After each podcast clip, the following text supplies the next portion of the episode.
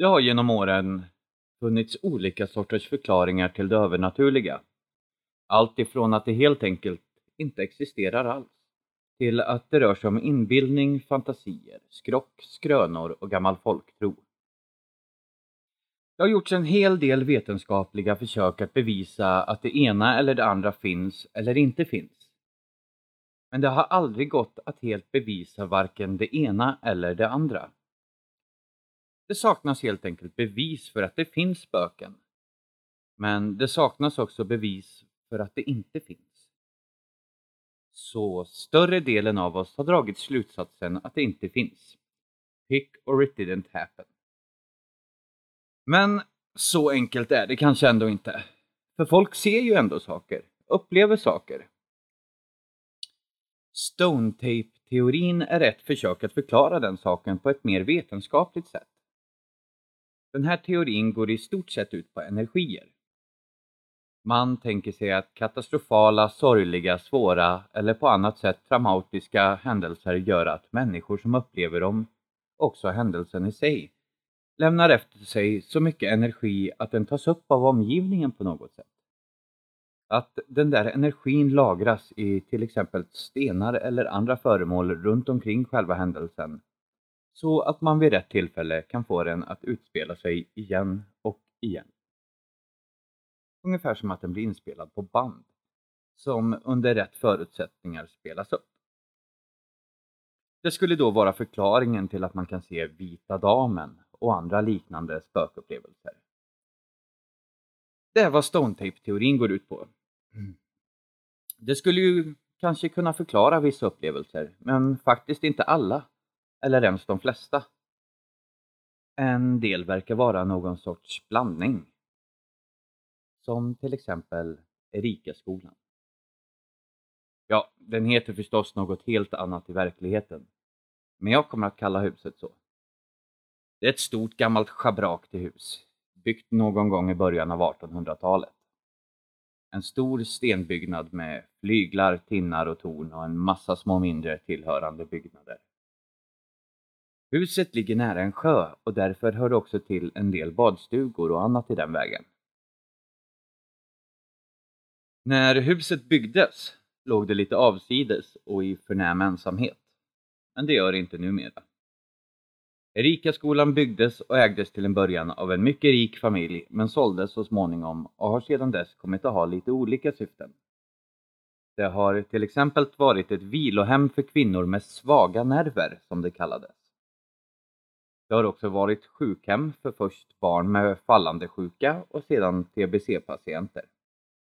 Ett tag var det ett hem för oönskade barn. Under andra världskriget höll man människor internerade där. Jo då, det fanns sådant i Sverige också. Och det har varit en läkarmottagning med tillhörande bostad, apotek och förvaring av dokument av tveksam karaktär. Slutligen blev det till en skola för elever från årskurs 1 till 9 som det är idag. Ni kan ju tänka er hur mycket som utspelat sig där. Hur mycket skräck, ångest, sjukdom och annat elände som utspelat sig både i själva byggnaden och inom de olika människor som tillbringat sin tid där. Hur många sorger och personliga tragedier av olika slag som de där gamla väggarna sett och sugit åt sig energin ifrån. Enligt Stonetape-teorin borde man alltså kunna se saker här, få en glimt av det förflutna och se spöken. Och nog spökar allt, som ni snart ska få höra. Men jag är tveksam till att det rör sig om någon sorts inspelad energi. Det har gått rykten i många år om att det spökar på Erikaskolan och dessa rykten har förstås väckt min nyfikenhet vilket fått till följd att jag frågat omkring, luskat och spårat upp personer som på olika sätt kan förknippas med Erikaskolan och de händelser som utspelat sig där genom åren. I den här typen av sammanhang är det inte lätt. De flesta gillar att berätta en god spökhistoria, men de flesta inleder dem också med ”Jag tror inte på spöken men” eller ”Ja, det hände inte mig utan min kompis mosters kusins syster”.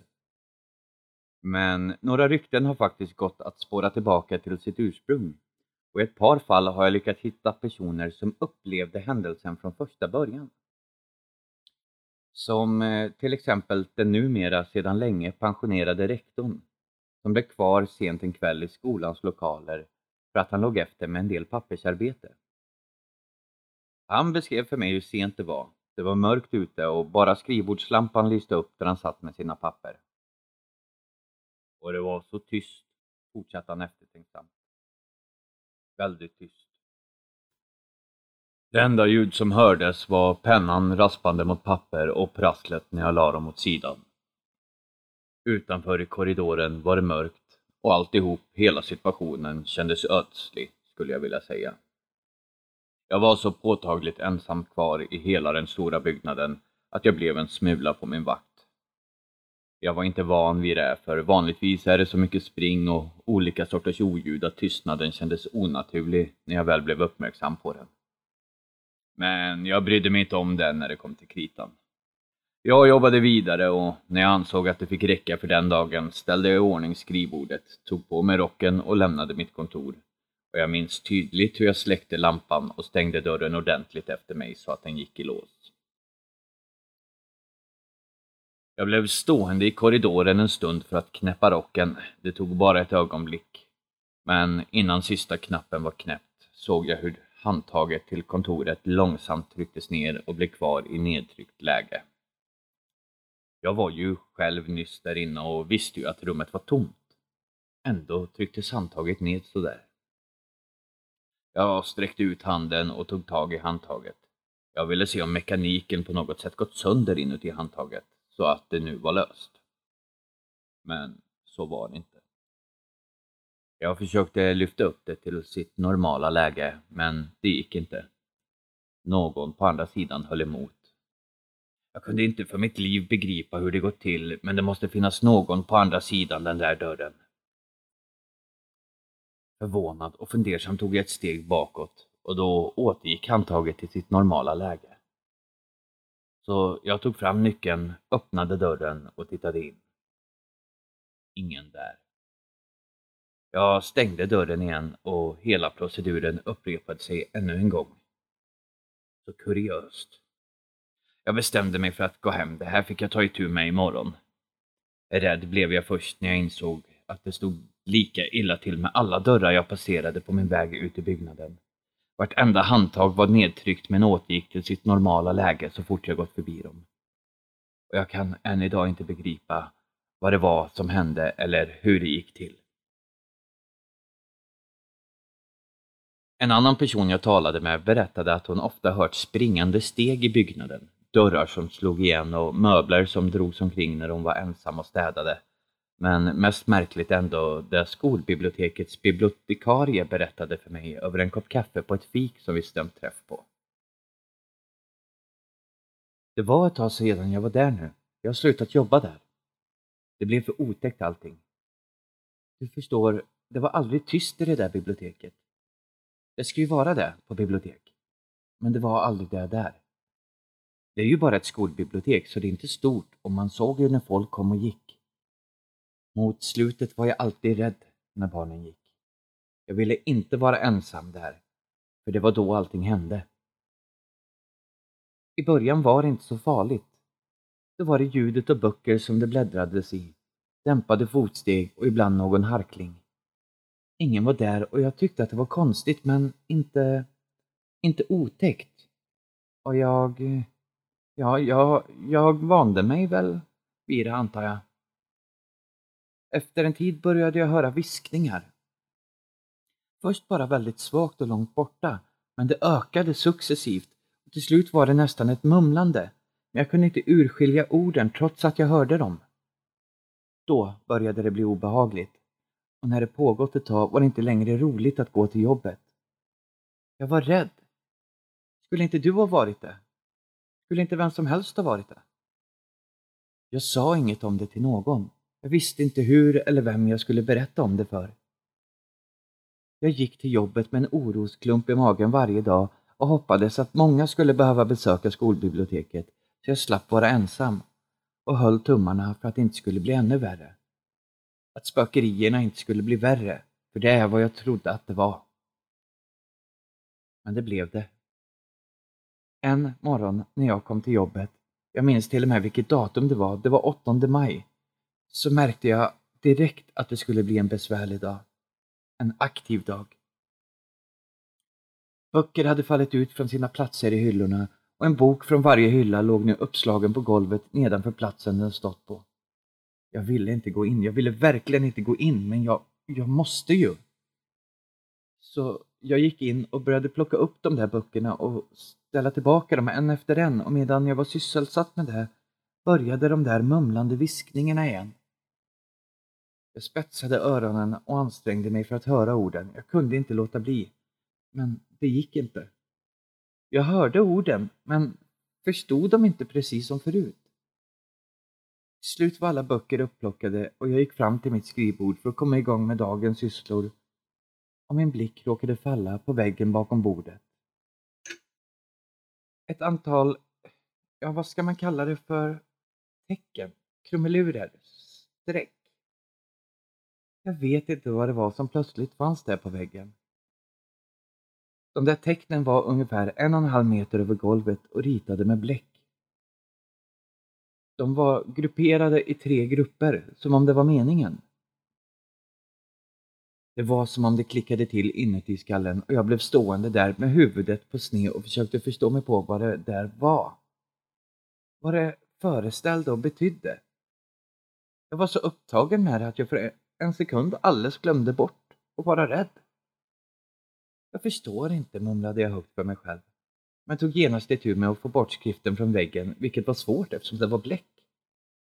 Men till sist gick det och jag satte igång med dagens arbete. Efter lunchen var det tillbaka igen. Nu liknade det mer väldigt spretiga bokstäver som stod där så nära varandra att det satt ihop. Jag förstår fortfarande inte, sa jag till mig själv medan jag gnuggade och gnuggade för att få bort bokstäverna. En timme senare var jag tillbaka igen och nu kunde jag se vad det var även om det var väldigt spretigt och en del bokstäver var bakvända. Hilf mir bitte, hilf mir bitte, hilf mir bitte. På grund av hur det var skrivet tog det mig ytterligare några sekunder innan jag slutligen förstod. Tyska. Snälla hämta hjälp, stod det. På tyska. Plötsligt mindes jag att det en gång hållits tyska krigsfångar i Erikaskolan och mitt hjärta frös till is. Jag har aldrig varit så rädd i hela mitt liv som jag var då. Jag minns inte vad jag gjorde eller ens hur jag kom därifrån. Jag vet bara att jag sjukskrev mig efter den händelsen och sen fick jag ett annat jobb. Det var så på den tiden. Det var ont om jobb och man fick hålla hårt i det man hade om man ville ha mat på bordet. Det spelade ingen roll om man trivdes eller om man var rädd. Men just då struntade jag i det. Jag klarade inte av en dag till. Så jag slutade och har inte satt min fot där sedan dess. Erikaskolan har ett långt förflutet och det har utspelat sig många svåra saker innanför dess väggar. Perfekt grogrund för Stonetape-teorin. Men ändå tror jag att det är mer än så. Det som utspelar sig innanför de där väggarna är mer och något helt annat än Stonetape. För det är så fysiskt. Svåra händelser som avger så mycket energi att det spelas in av väggarna kan inte trycka ner handtag eller skriva meddelanden. Det tror i alla fall inte jag. Men det finns andra platser där det känns mycket mer troligt att det faktiskt ligger något i Stonetape-teorin. Ulvakvarn är ett sådant exempel. Det ligger lite utanför Uppsala. I Ulva har det funnits kärnverksamhet sedan 1300-talet och det har berättats en historia om Ulvakvarn i flera generationer. I slutet på 1300-talet drevs och ägdes kvarnen av en mjölnare som bodde på platsen med sin hustru. Hustrun var ung och vacker och mycket vänlig. Mjölnaren var betydligt äldre och, nåja, inte det. Han var vresig av sig och fruktansvärt svartsjuk. Hustrun var mycket rädd för honom och alla andra också. Alla utom en vill säga. Det fanns nämligen en dräng på en närliggande gård vars uppgift det var att köra spannmål till kvarnen, få det malt i mjöl och sedan köra hem mjölsäckarna till gården. Drängen var inte rädd alls. Han var stor och stark och inte rädd för fan själv. Mjölnarens unga hustru förälskade sig i drängen. Men tyvärr upptäckte mjölnaren det och blev rasande. Mjölnaren ville till varje pris ta hämnd på drängen för att han lockat till sig mjölnarens hustru för att drängen uppenbarligen trodde att han var för mer eftersom han inte ens hade vett nog att vara rädd för mjölnarens hämnd. Så nästa gång drängen kom med spannmål låg mjölnaren i bakhåll och välte en hel trave med fulla mjölsäckar över drängen som krossades under tyngden. Det är oklart om han dog eller bara blev medvetslös, men det spelar egentligen ingen roll för mjölnaren vräkte drängen i det iskalla vattnet och kroppen flöt snabbt iväg nedströms i det forsande vattnet. Hustrun som vid tillfället stod på bron och såg alltihop hända blev förtvivlad, ja man kan säga att hon blev galen av sorg och fasa. Hon skrek och grät hysteriskt och rusade efter drängens kropp. Men hon hittade honom aldrig. Hela dagen och sedan natten sprang hon förtvivlat skrikande fram och tillbaka utefter vattnet och letade. Men till slut tystnade hon. Mjölnaren, som nu lugnat ner sig och kommit till insikt om vad han gjort, gick ut för att se efter sin förtvivlade fru och upptäckte att de på något sätt fallit i vattnet och nu var drunknad. Han vände dystert tillbaka in i kvarnen och hängde sig i en bjälke. Av de tre människor som dog den dagen sägs hustrun vara den som inte fått ro. Det sägs att man kan se henne, sent på nätterna, vandra över bron med en lykta, fortfarande skrikande och gråtande och fortfarande letande efter drängen. Det skulle mycket väl kunna vara ett exempel på Stone Tape-teorin. Många starka känslor inblandade och en traumatisk händelse som den här, så kan man nog föreställa sig att det lagras tillräckligt med energi för att uppnå den effekten. Och det förekommer ingenting rent fysiskt. Det är bara en film som spelas upp om och om igen. Så. Två olika sorters historier.